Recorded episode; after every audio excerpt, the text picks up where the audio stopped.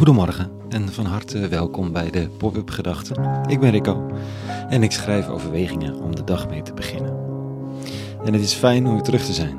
Ik probeer onderweg altijd te blijven schrijven in de ochtend, maar afgelopen week was het even onmogelijk. Nu in alle rust weer terug.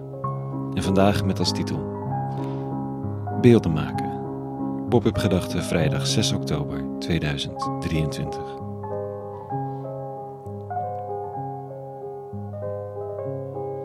Het was een beetje een rel geworden, dat ene kunstwerk uit de tentoonstelling waar ik me met een aantal kunstkenners over had gebogen. Het thema was het Bijbelboek Exodus geweest en elke kunstenaar in Nederland kon iets insturen. Het werden 700 inzendingen. Rijp en groen, ervaren makers en losse ideeën.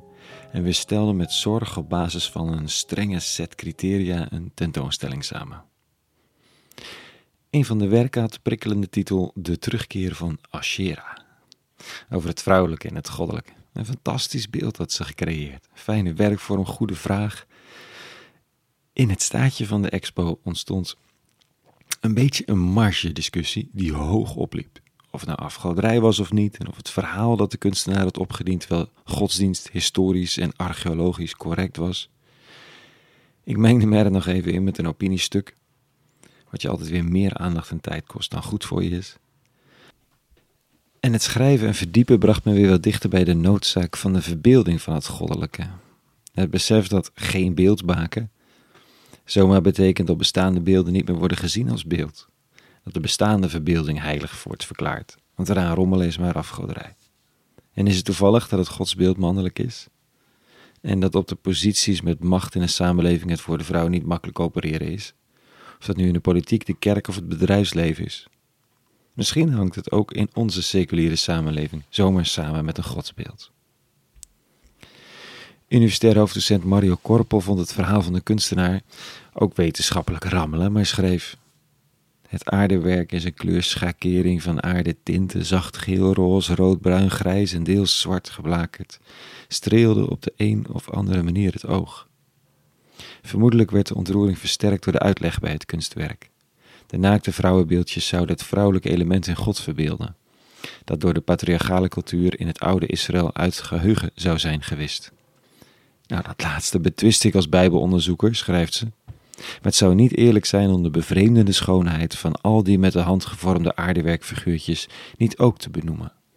Wie niet op de tentoonstelling geweest is, heeft de andere kant van het verhaal gemist. Lang leven onderzoekers en commentatoren die ondergaan alvorens ze zeggen wat ze vinden. En deze Mario Korpel wees me nog op iets, op het woord barmhartigheid, dat in het Hebreeuws afgeleid is van het woord baarmoeder.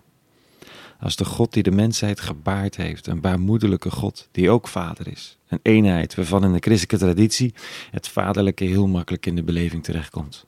Maar de baarmoederlijke God, vol van genade, Juist nu, in een cultuur waarin we elkaar zomaar de maat nemen. Wat ook voelbaar wordt in discussie rond Ashera, maar ook in de harde woorden over protesten op de A12 of überhaupt het hele medium Twitter of X. De tijd smeekt om barmhartigheid, om baarmoedelijkheid, om van mening te verschillen zonder ook maar iets te verliezen van de onvoorwaardelijke liefde die er is. Vandaag schrijft de psalmdichter dit. Laat ons niet boeten voor de vroegere zonde Kom met uw barmhartigheid ons tegemoet, want we zijn maar zwakke mensen. De baarmoederlijke eeuwig wordt aangeroepen. In het besef van stommiteit of misses of spijt over iets in het verleden.